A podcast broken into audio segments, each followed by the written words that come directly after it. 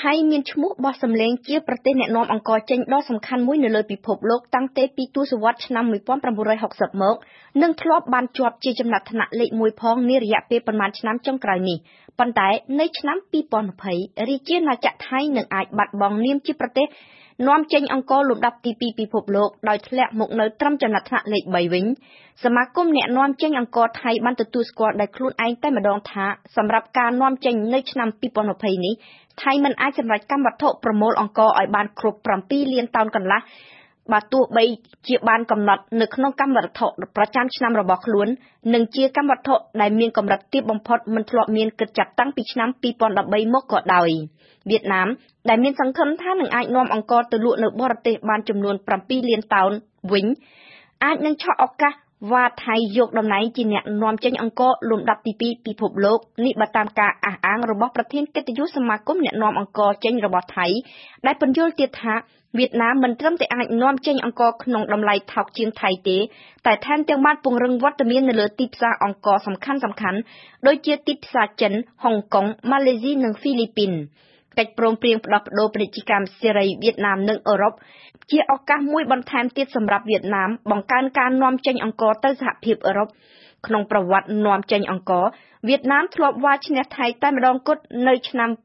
2012នៅឆ្នាំនោះរដ្ឋាភិបាលថៃដែលដឹកនាំដោយលោកស្រីយីងឡាក់ស៊ីនវ៉ាត់មិនអាចបញ្ចេញអង្ករទៅលក់ឲ្យអស់ពីស្តុកបានពីព្រោះរដ្ឋាភិបាលប្រមូលទិញស្រូវពីប្រជាពលរដ្ឋក្នុងតម្លៃថ្លៃពេក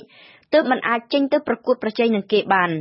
នយោបាយទិញស្រូវពីប្រជាពលរដ្ឋដែលបាននាំឲ្យលោកស្រីជីងឡាក់ទៅប្រឈមមុខនឹងតុលាការពីបទធ្វេសប្រហែសធ្វើឲ្យខូចផលប្រយោជន៍ជាតិនិងទំនងជាលេសមួយជំរុញឲ្យមេដឹកនាំយោធាថៃធ្វើរដ្ឋប្រហារទម្លាក់លោកស្រីនៅឆ្នាំ2014ផងការនាំចេញអង្កររបស់ថៃបានឡើងដល់កម្រិតដើមវិញនៅឆ្នាំ2014 ក៏ប៉ុន្តែថៃលែងមានចំណាយធំនៅលើទីផ្សារអង្ករដូចមុនទៀតហើយ ជាពិសេសទីផ្សារនៅហុងកុងតើមានមូលហេតុអ្វីដែលជំរុញឲ្យថៃមិនអាចសម្រេចកម្មវត្ថុនាំអង្ករចេញរបស់ខ្លួនបានសម្រាប់ឆ្នាំ2020នេះផ្ទុយពីឆ្នាំ2012នៅឆ្នាំនេះថៃខ្វះអង្ករសម្រាប់នាំចេញតែម្ដង ដោយហេតុតែភាពរាំងស្ងួតស្រូវផ្ដល់ទិន្នផលទាប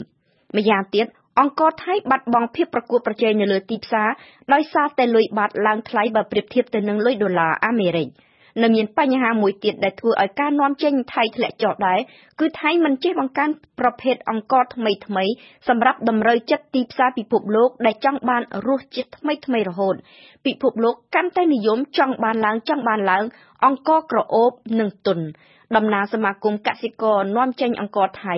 ក៏ធ្លាប់បានទទួលស្គាល់ដែរថាអង្ករថៃលែងសូវក្រអូបនិងធ្លាប់បានស្នើសុំឲ្យរដ្ឋាភិបាលជួយរកមធ្យោបាយកែលម្អ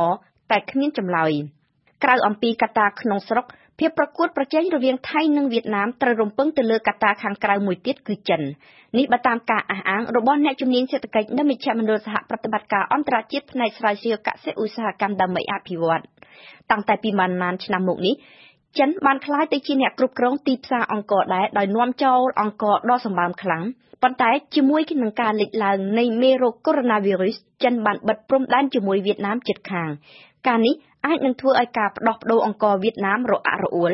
ហើយចិននេះដដែលក៏បានក្លាយទៅជាប្រទេសនាំចេញអង្ករដោយធ្វើការនាំចេញទៅលក់ជាពិសេសនៅអាហ្វ្រិកដែលជាការជ្រាបយកទីផ្សារពីថៃនិងពីឥណ្ឌា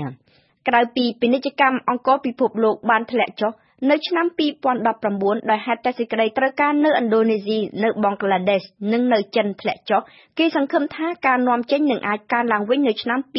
2020 ក៏ប៉ុន្តែโรគរាតត្បាត COVID-19 អាចជាអាវុធមុខពីរ គឺជាការទប់ស្កាត់ការធ្វើពាណិជ្ជកម្មអង្ករ ឬក៏អាចជាការ រុញច្រានបង្កើនស្តុកអង្ករនៅចិននៅហុងកុងឬនៅសិង្ហបុរីក៏ថាបានអ្វីដែលច្បាស់លាស់ជាងគេ គឺពេលនេះឥណ្ឌានឹងរក្សាតំណែងជាអ្នកនាំអង្ករចេញលំដាប់ទី1ពិភពលោកដោយមានចំណែកដល់ទៅ25%នៅលើទីផ្សារហើយតម្លៃអង្ករនឹងចុះឡើងខ្លាំងជាងឆ្នាំកន្លងទៅ។